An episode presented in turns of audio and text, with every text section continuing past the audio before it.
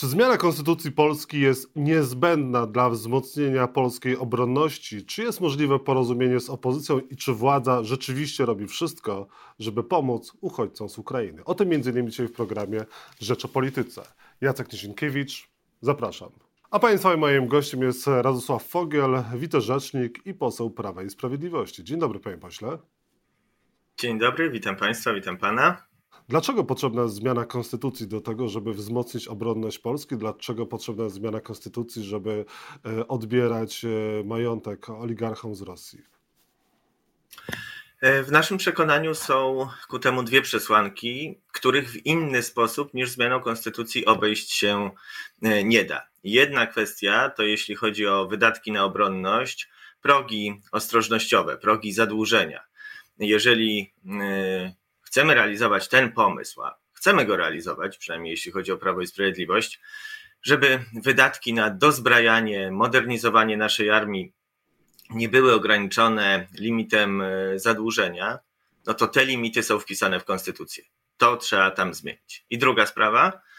Polska konstytucja chroni prawo własności. E, mówi, że wywłaszczenia mogą być dokonane wyłącznie za odszkodowaniem. I to nie dotyczy wyłącznie obywateli polskich, ale każdego na terytorium Rzeczypospolitej. No w związku z tym, znowu, możemy mrozić aktywa i na podstawie sankcji Unii Europejskiej to już robimy, tych, ty, ty, tych osób, tych firm, które są w sankcjach wymienione, bo do tego mamy prawo, ale jeżeli chcielibyśmy, a taka jest koncepcja, te dokonać konfiskaty mienia, a następnie przekazać je jeszcze na rzecz Ukrainy, na poczet odbudowy państwa, to znowu tutaj mamy związane ręce i dlatego wychodzimy z taką y, propozycją, otwart, z otwartą przyłbicą, jasno, pomysły na stół, słuchamy opozycji, no, y, obiecali, że się zastanowią, wrócą z przemyśleniami, czekamy. No tak, ale opozycja poparła wcześniej ustawę o obronności ojczyzny. Dlaczego tych zmian nie było wcześniej w ustawie o obronności ojczyzny? Dlaczego podczas tygodni pracy nad tą ustawą nic na ten temat nie wspominaliście, nawet w ciągu ostatnich dni przecież? Opozycja podniosła rękę za tą zmianą. I rzeczywiście się cieszę. Cieszę się, że przy okazji e, prac nad tą ustawą, ja akurat miałem okazję obserwować to z bliska, bo byłem członkiem nadzwyczajnej podkomisji, która dzień w dzień pracowała nad ustawą. Rzeczywiście tutaj e, udało się politykę ograniczyć do minimum i pracowaliśmy nad konkretnymi pomysłami, nad konkretnymi zapisami. Zresztą dużo propozycji zgłaszanych w toku prac przez opozycję zostało uwzględnionych. Mm, no ale to, o czym mówimy dzisiaj, to nie jest materia ustawowa. W ustawie e, za, zawarliśmy E, zwiększenie wydatków na zbrojenia do 3% PKB. Przypomnę, że ten oczekiwany limit natowski to są 2%, ale tu mówimy o czymś innym. Mówimy o otwarciu możliwości dużo szybszego, e, no i oczywiście dużo bardziej kosztownego doposażenia polskiej armii. No, sytuacja jest taka, że wymaga nadzwyczajnych, e, nadzwyczajnych działań. No to nie jest przypadkiem tak, że to trwałoby znacznie dłużej, ponieważ zmiana konstytucji no, jest obwarowywana e, przepisami, e, kolejnymi progami, trzeba Sejm, Senat, e, podpis prezydenta, więc prawdopodobnie dopiero w okolicach wakacji udałoby się to zrobić. Donald Tusk mówi, że potrzebujecie tego czasu po to, żeby oligarchowie mogli przepisać ten majątek na, mieli czas na przepisanie majątku. Tak dzisiaj zatweetował Donald Tusk. Zacytuję może dokładnie. Zamiast natychmiast zamrozić lub skonfiskować rosyjskie aktywa, PiS proponuje zmianę konstytucji, daje czas na przepisanie majątków. Akurat premier Morawiecki powinien to dobrze rozumieć, sugerując, że premier Morawiecki też przepisywał majątek na żonę. No, chciałbym przypomnieć, że niedawno dowiedzieliśmy się, że Donald Tusk również przepisał majątek na żonę, no. więc na jego miejscu nie byłbym taki hop do przodu. Może o tym zapomniał, to może małżonka powinna mu przypomnieć, albo teściowa. Ale już poważnie. Czy tego typu zarzuty, no, szkoda, szkoda je w ogóle komentować. To jest niestety przejaw takiego najgorszego partyjniactwa kogoś, kto nawet w dzisiejszych czasach nie jest w stanie się ponad to wznieść. Bo a do tego nie wie, o czym pisze. Bo pisze Donald Tusk w tym, w tym swoim twicie, że rząd może zamrozić. Tak, rząd może zamrozić i mówiłem o tym przed chwilą, to się dzieje, ale zamrożenie aktywów to nie jest pozbawienie własności. Można zamrozić i wtedy się tym nie rozporządza, ale nadal jest się tego właścicielem. I naprawdę w przekonaniu Prawa i Sprawiedliwości, po wszystkich analizach, które dokonaliśmy, nie da się tego zrobić bez e, zmiany konstytucji w zakresie prawa, ochrony prawa własności. Jeżeli Donald... Unijne prawo nie wystarczy, nie wystarczą też zmiany przepisów e, chociażby kodeksu karnego i innych kodeksów. Tutaj wszystko macie sprawdzone i no jest artykuł, zmiana 20, jest artykuł, tak? jest artykuł bodajże 21 e, Konstytucji, który dokładnie mówi o ochronie własności e, prywatnej.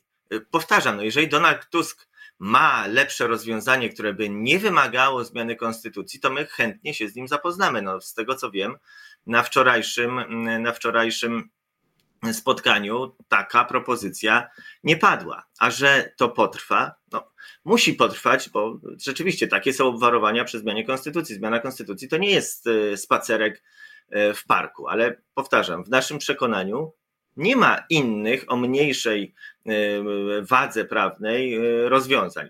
Mówię, o, opozycja, jak ktoś, jak ktoś ma, to niech zaproponuje. Opozycja jak jeden mąż jest przeciwna tym zmianom w konstytucji. Co to oznacza według Prawa i Sprawiedliwości? Ja jednak zachowam pewną, może wstrzemięźliwą, ale nadzieję. E, rozpoczęliśmy wczoraj o tym rozmowy. Rozumiem, że opozycja w pierwszym odruchu e, jest na nie, bo taka jej opozycyjna rola i los. E, no mam jednak nadzieję, że kiedy się prześpią z pomysłem, kiedy go skonsultują, że jednak na rozmowy będą otwarci. No, wczoraj przecież nie padły, nie zostali postawieni pod ścianą, nie padły żadne wyryte w kamieniu propozycje nie do zmiany. Zaprezentowaliśmy efekt, który chcemy uzyskać, narzędzia, które naszym zdaniem do tego prowadzą, no i słuchamy e, drugiej strony, bo naprawdę uważamy, że w tego typu sytuacjach no, pewna zgoda polityczna jest potrzebna. Próby, próby wykorzystywania sytuacji wojennej, dramatu e, uchodźców z Ukrainy do tego, żeby swojej partii próbować nabić kilka punktów procentowych, no nie na miejscu. A to nie jest tak, że Prawo i Sprawiedliwość wykorzystuje sytuację wojenną do tego, żeby podreperować sobie budżet? To też nie wiadomo, co jeszcze mogłoby być wpisane do y, konstytucji, jaka próba mogłaby być przemycenia tam jakichś zapisów, widząc, co, co się działo przy ustawie antykowidowej czy ustawie o pomocy uchodźców. Mam na myśli tutaj tę kwestię dotyczącą bezkarności. To dwie sprawy. E, no, panie redaktorze, nie da się podreperować budżetu zmianą konstytucji. No, nie wpiszemy przecież do konstytucji, że budżet jest zawsze pełen pieniędzy. To jest nierealne. To jest jedna sprawa. A druga sprawa, no przecież opozycja będzie wiedziała, za czym głosuje. Jeżeli się pojawi cokolwiek, co byłoby nieustalone, no to opozycja za tym nie zagłosuje i konstytucji nie zmienimy. Tutaj Panie pośle, a kto jest pomysłodawcą po zmiany konstytucji? Nie podam panu autora, no, jest to propozycja rządowa, ale kto konkretnie akurat to rozwiązanie zaproponował. A macie propozycję ekspertów, macie propozycję ekspertów, które jesteście w stanie przedłożyć, że rzeczywiście tylko zmiana konstytucji jest w stanie e, pozbawić na przykład oligarchów majątków? No to jest pytanie raczej do, e, raczej do kancelarii premiera, która e, już e, w szczegółach obsługuje ten proces. Myślę, że myślę, że nie będzie takiego problemu, ale tak jak mówię, to nie do mnie pytanie, to raczej pytanie do rzecznika rządu. Panie pośle, a jakie sankcje i ograniczenia na, na Rosję nałożył rząd Prawa i Sprawiedliwości dotychczas? Dokładnie wszystkie te, e, te same, które e, nałożyły inne kraje unijne. No, sankcje e, są podejmowane, decyzje o sankcjach są podejmowane wspólnie na szczytach. Są dalej jest sprowadzany. Rosyjskie tiry cały czas przejeżdżają przez polskie granice. Również statki z rosyjskim towarem przypływają. Dlaczego to nie jest zamrażane? Chociażby. Dlaczego to nie jest zamrażane i kiedy poznamy listę oligarchów rosyjskich w Polsce?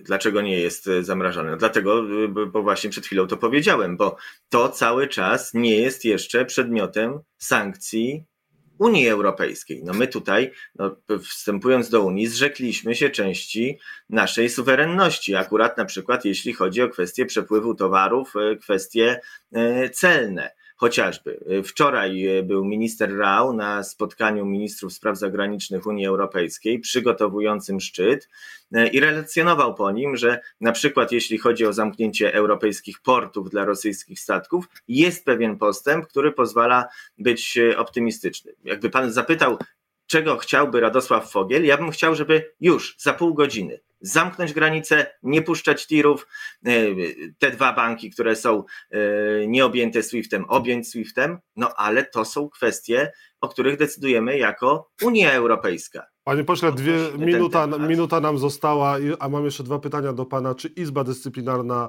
Sądu Najwyższego zostanie zlikwidowana, jak wcześniej zapowiadał Jarosław Kaczyński i premier Mateusz Morawiecki? Jutro chyba, tak, jutro jest środa, tak. tak. Jutro rozpoczynamy posiedzenie Sejmu. Również te projekty dotyczące reformy Sądu Najwyższego są w harmonogramie obrad. No, będziemy pracować nad tymi propozycjami. Rzeczywiście wola polityczna wydaje się jest taka, żeby zreformować system odpowiedzialności dyscyplinarnej sędziów. E, Czy po stronie Prawa i Sprawiedliwości jest wola polityczna, żeby Izba Dyscyplinarna została zlikwidowana? Zobaczymy, jaki ostatecznie kształt przyjmie e, ustawa, bo tam są przecież trzy różne przedłożenia i będą nad nimi posłowie Komisji Sprawiedliwości pracować wspólnie, więc e, no, nie chcę dzisiaj powiedzieć czegoś, co może się okazać, że zbiorowa mądrość parlamentu jutro zmieni, e, ale my mówiliśmy o tym od dawna. E, system odpowiedzialności dyscyplinarnej sędziów jest konieczny, a to w jaki sposób jest on, jest on stworzony i w jaki sposób jest egzekwowana ta odpowiedzialność, to już jest sprawa techniczna. I ostatnia kwestia, wcześniejsze wybory parlamentarne są możliwe? Hipotetycznie konstytucja taką możliwość daje. Nikt, e, przynajmniej ze strony rządu, ze strony Prawa i Sprawiedliwości, takich e, planów nie ma. Radosław Fogiel, wicerzecznik Prawa i Sprawiedliwości, poseł tejże partii, był Państwa i moim gościem. Bardzo dziękuję za rozmowę. Dziękuję serdecznie, miłego dnia. Dziękuję wzajemnie.